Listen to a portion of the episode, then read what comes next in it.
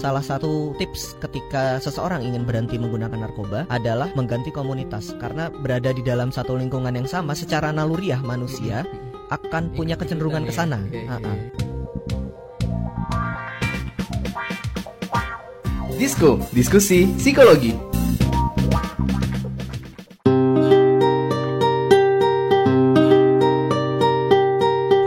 Halo Warriors, balik lagi sama gue Kevin di podcast Disco, diskusi psikologi persembahan Into the Light Indonesia. Hapus stigma, peduli sesama, sayangi jiwa. Anyway Warriors, lo semua pasti setuju lah ya kalau misalnya penggunaan narkoba itu nggak ada bagus-bagusnya, alias cuma merugikan diri sendiri, keluarga lo, dan juga lingkungan sekitar lo. Nah tapi nih, lo tahu nggak kalau misalnya ternyata pecandu narkoba itu juga berpotensi lebih tinggi mengalami gangguan jiwa. Kita udah pernah bahas nih sebenarnya di episode 1 season 2 sama narsum yang sama juga. Nah tapi kayaknya kemarin tuh pembahasannya masih agak nanggung ya. Kemarin itu kita belum sempat bahas lebih lanjut tentang pasca kecanduan narkoba tuh apa aja sih yang terjadi dan atau apa yang harus dilakukan.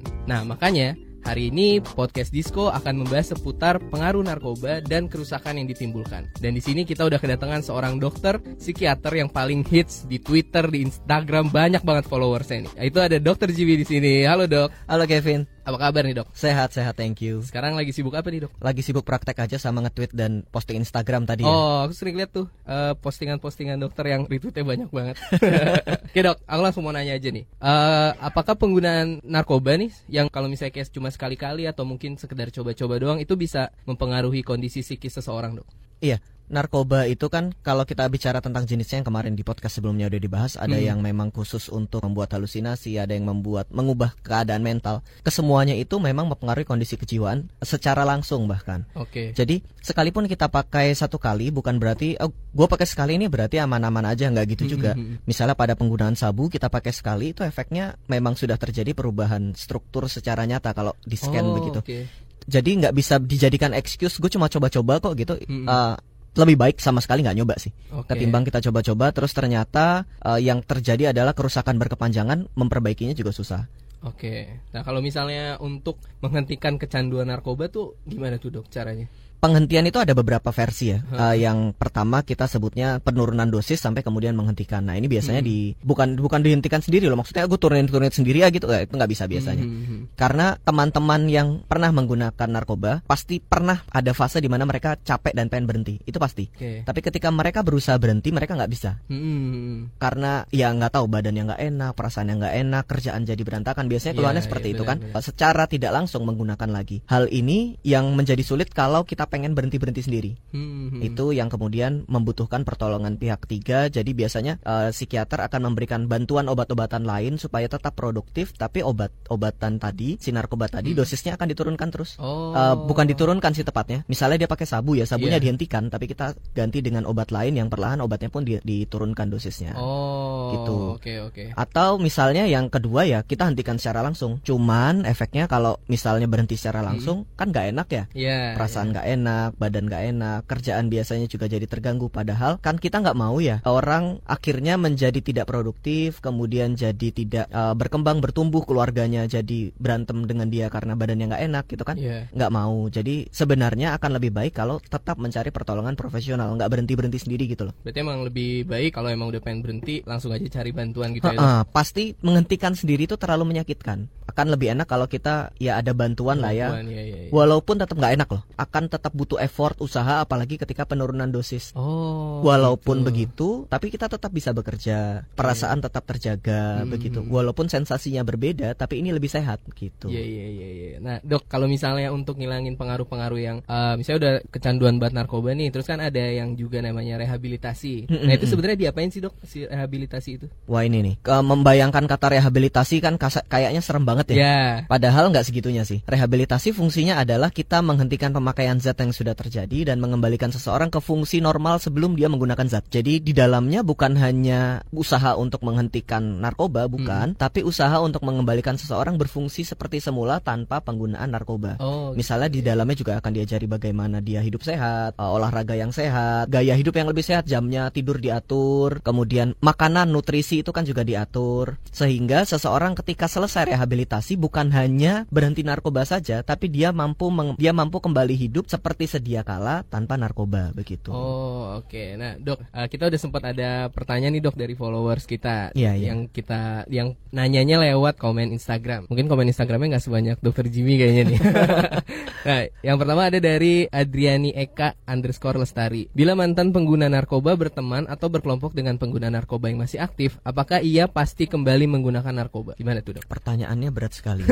Kita tidak bisa memastikan sesuatu sih ya. Maksudnya masa depan itu tidak ada yang pasti. Kita berteman dengan orang baik belum tentu kita jadi baik. Kita Mm-mm. berteman dengan orang jahat belum tentu kita jadi jahat. Mm-mm. Ada area banyak yang abu-abu di sana. Namun memang ada kecenderungan tertentu di mana namanya ada social proof. Oke. Social proof itu begini. Kalau rata-rata teman-teman kita buang sampah sembarangan, Mm-mm. akan ada kecenderungan di dalam diri kita untuk ikut-ikutan buang sampah sembarangan. Ada kecenderungan untuk kita ikut bertindak sesuai dengan apa yang komunitas lakukan walaupun itu tidak 100%. Mm-mm. Jadi Mm-mm. kalau dibilang pasti sih enggak, tapi ada kecenderungan ke sana. Iya, iya. Termasuk pada pemakaian zat, itu kenapa salah satu tips ketika seseorang ingin berhenti menggunakan narkoba adalah mengganti komunitas karena berada di dalam satu lingkungan yang sama secara naluriah manusia Mm-mm. akan punya Ik- kecenderungan ke ikutan sana. ya. Iya, iya, Ha-ha. iya, iya. Bukan karena kenapa-kenapa, memang itu dorongan Mm. dorongan anu- manusia. Manusia kan makhluk sosial ya. Iya. Jadi ketika sos- secara sosial sebuah tindakan dianggap sebuah norma, maka kita akan ikut ke sana. Oke. Terlepas dari itu dianggap oleh komunitas lain keliru atau tidak keliru begitu. Oke, nah itu ya Adriani Eka semoga ah, menjawab nih. semoga menjawab Ya, yang kedua nih dok, ada dari Santi underscore Lidon. Untuk mantan pengguna narkoba, walaupun dia sudah sembuh, efek dari narkoba nggak nggak bisa langsung hilang nih. Apakah efeknya juga memengaruhi kejiwaan, seperti dalam cara berpikir atau mengambil keputusan? Karena ada teman saya walau sudah sembuh, tapi cara berpikirnya jadi aneh dan cenderung emosional. Yes, uh, pertanyaanmu benar sekali. Mm-mm. Pada orang yang sudah menggunakan narkoba dalam jangka panjang, kerusakan yang ada di otaknya pun sudah berlangsung cukup lama Oke. dan sudah cukup luas berarti. Mm-mm. Kita b- pernah belajar deh waktu SD. Saraf itu organ yang paling lama memulihkan diri. Mm-mm. Untuk dia kembali seperti semula itu butuh waktu yang sangat panjang. Oke. Apalagi kalau pemakaian narkobanya juga Udah lama. udah lama ya, begitu iya. misalnya. Jadi memang iya sekalipun berhenti bisa saja Mm-mm. ada kerusakan-kerusakan yang menetap lebih lama biasanya termasuk yang disebutkan tadi. Konsentrasi perhatian Hmm, kemudian masalah uh, emosional sekalipun berhenti sangat mungkin ada gejala sisanya. Tapi bukan berarti itu akan oh berarti akan bertahan selamanya seperti itu belum tentu juga. Iya, iya. tetap kita perlu konsultasikan supaya perlahan kondisinya terus membaik seperti semula. Karena target Mm. pengobatan itu bukan berhenti sebenarnya. Mm-mm. Berhenti iya cuma target pengobatan adalah dia perlu kembali Seperti semula. seperti semula, Iya, iya, seperti iya. kondisi sebelum memakai Oke. begitu. Oh, Itu targetnya. Oke. Oke. terakhir nih dok dari Diandra Indrabay. Ada yang bilang penggunaan narkoba dikarenakan beberapa faktor, misalnya ekonomi dan pendidikan. Namun nyatanya pengguna narkoba tidak melihat kaya atau miskin, berpendidikan atau tidak. Kenapa demikian dok? Apakah mental illness juga memberikan pengaruh? Jawabannya memang multifaktorial seperti jauh, seperti mental illness juga multifaktorial ya. Mm-mm. Pemakaian narkoba memang dipengaruhi berbagai faktor, tapi uh, bukan tentang bukan sesederhana faktor ekonomi kemudian ekonomi rendah memakai narkoba. Sebenarnya nggak sederhana itu. Mhm. Juga bukan tadi faktor apa lagi yang disebutkan ya? Eh, pendidikan. pendidikan. Iya. Kemudian pendidikannya rendah, kemudian seseorang lebih cenderung memakai narkoba kan nggak juga. Iya, benar. tidak tidak sesimpel itu sebenarnya. Ada Mm-mm. faktor yang jauh lebih luas, social proof, eh, Mm-mm. kebuda- eh, kebudayaan, kemudian stresor lingkungan, ketersediaan. Nah itu kan juga Iya, iya. kalau nggak tersedia lah gimana makainya? Iya, Kan? Nggak iya mungkin. juga. Iya benar. Terlalu banyak faktor di sana yang saling kait terkait dan berinteraksi sampai seseorang menggunakan narkoba. Mhm. Apakah kemudian mental ill- illness berpengaruh? Eh, pemakaian narkoba sendiri sebenarnya adalah gangguan jiwa. Jadi Oh, Oke. adiksinya, kecanduannya sendiri itu kan adalah gangguan jiwa. Jadi apakah Mm-mm. itu berpengaruh? Ya jelas karena kecanduan itu kan gangguan jiwa. Iya, iya, Tapi iya. mungkin yang dimaksudkan pertanyaannya apakah gangguan jiwa lain berpengaruh untuk memakai narkoba begitu Hmm, mis- misalnya. Mungkin ya.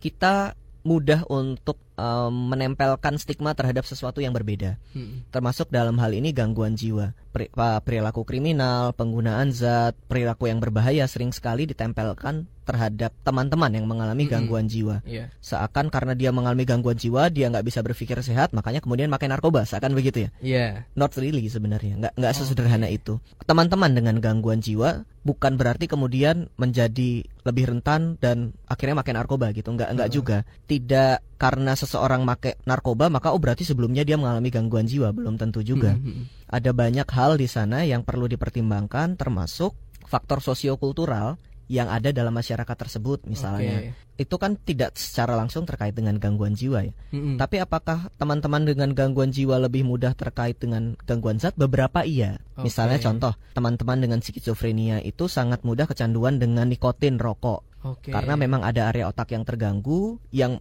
dalam tanda kutip membutuhkan dia untuk merokok. Oh. Jadi memang oke. ada kecenderungan tertentu. Mm-mm. Atau pada teman-teman yang lain dengan diagnosis lain lebih rentan terhadap kecanduan lain juga ada. Mm-mm. Tapi nggak nggak nggak secara langsung gitu loh. Maksudnya bukan karena saya mengalami gangguan jiwa lalu berarti saya akan memakai narkoba Iya, nggak gitu iya. juga atau ha. karena seseorang memakai narkoba maka pasti sebelumnya saya gangguan jiwa nggak Iya, nggak iya. nggak kayak gitu juga walaupun ya tadi ada ada beberapa spot-spot khusus yang spesifik Mm-mm. tapi itu tidak bisa disamaratakan untuk semua berarti Iya, semua gangguan jiwa mengalami menggunakan narkoba. Ah, ah, itu pasti ya. menggunakan narkoba ya nggak juga Nah, Warriors, dari perbincangan barusan dengan Dr. Jimmy, lo semua udah paham berarti ya kalau misalnya penggunaan narkoba itu bisa merugikan kesehatan tubuh dan juga mengganggu kesehatan mental para pemakainya. Jiwa dan raga akan mengalami perubahan secara berkelanjutan akibat dari banyaknya syaraf yang rusak. Nah, dengan jiwa dan mental yang rusak, manusia akan mengalami masa-masa yang sulit dan berdampak pada keberlangsungan hidupnya. Yuk Warriors, kita jauhi narkoba dan bangun generasi emas tanpa narkoba. Lo keren tanpa narkoba. Oke Warriors, sampai sini dulu podcast Disco kali ini. Thank you banget nih Dr. Jimmy udah bersedia sharing. thank you thank you Kevin Udah uh, memberikan kita pengetahuan juga. Semoga yang disampaikan bisa bermanfaat nih buat Warriors. Gue pengen ngasih tau kalian semua kalau misalnya kalian ingin mencari lebih banyak lagi tentang pencegahan narkoba, bisa langsung aja nih cek ke website cegahnarkoba.bnn.go.id. Sampai ketemu lagi di podcast episode selanjutnya. Dengarkan di kbrprime.id. Gue Kevin, pamit undur diri. Don't forget to be happy and live to the fullest. Bye bye. Disko, diskusi psikologi.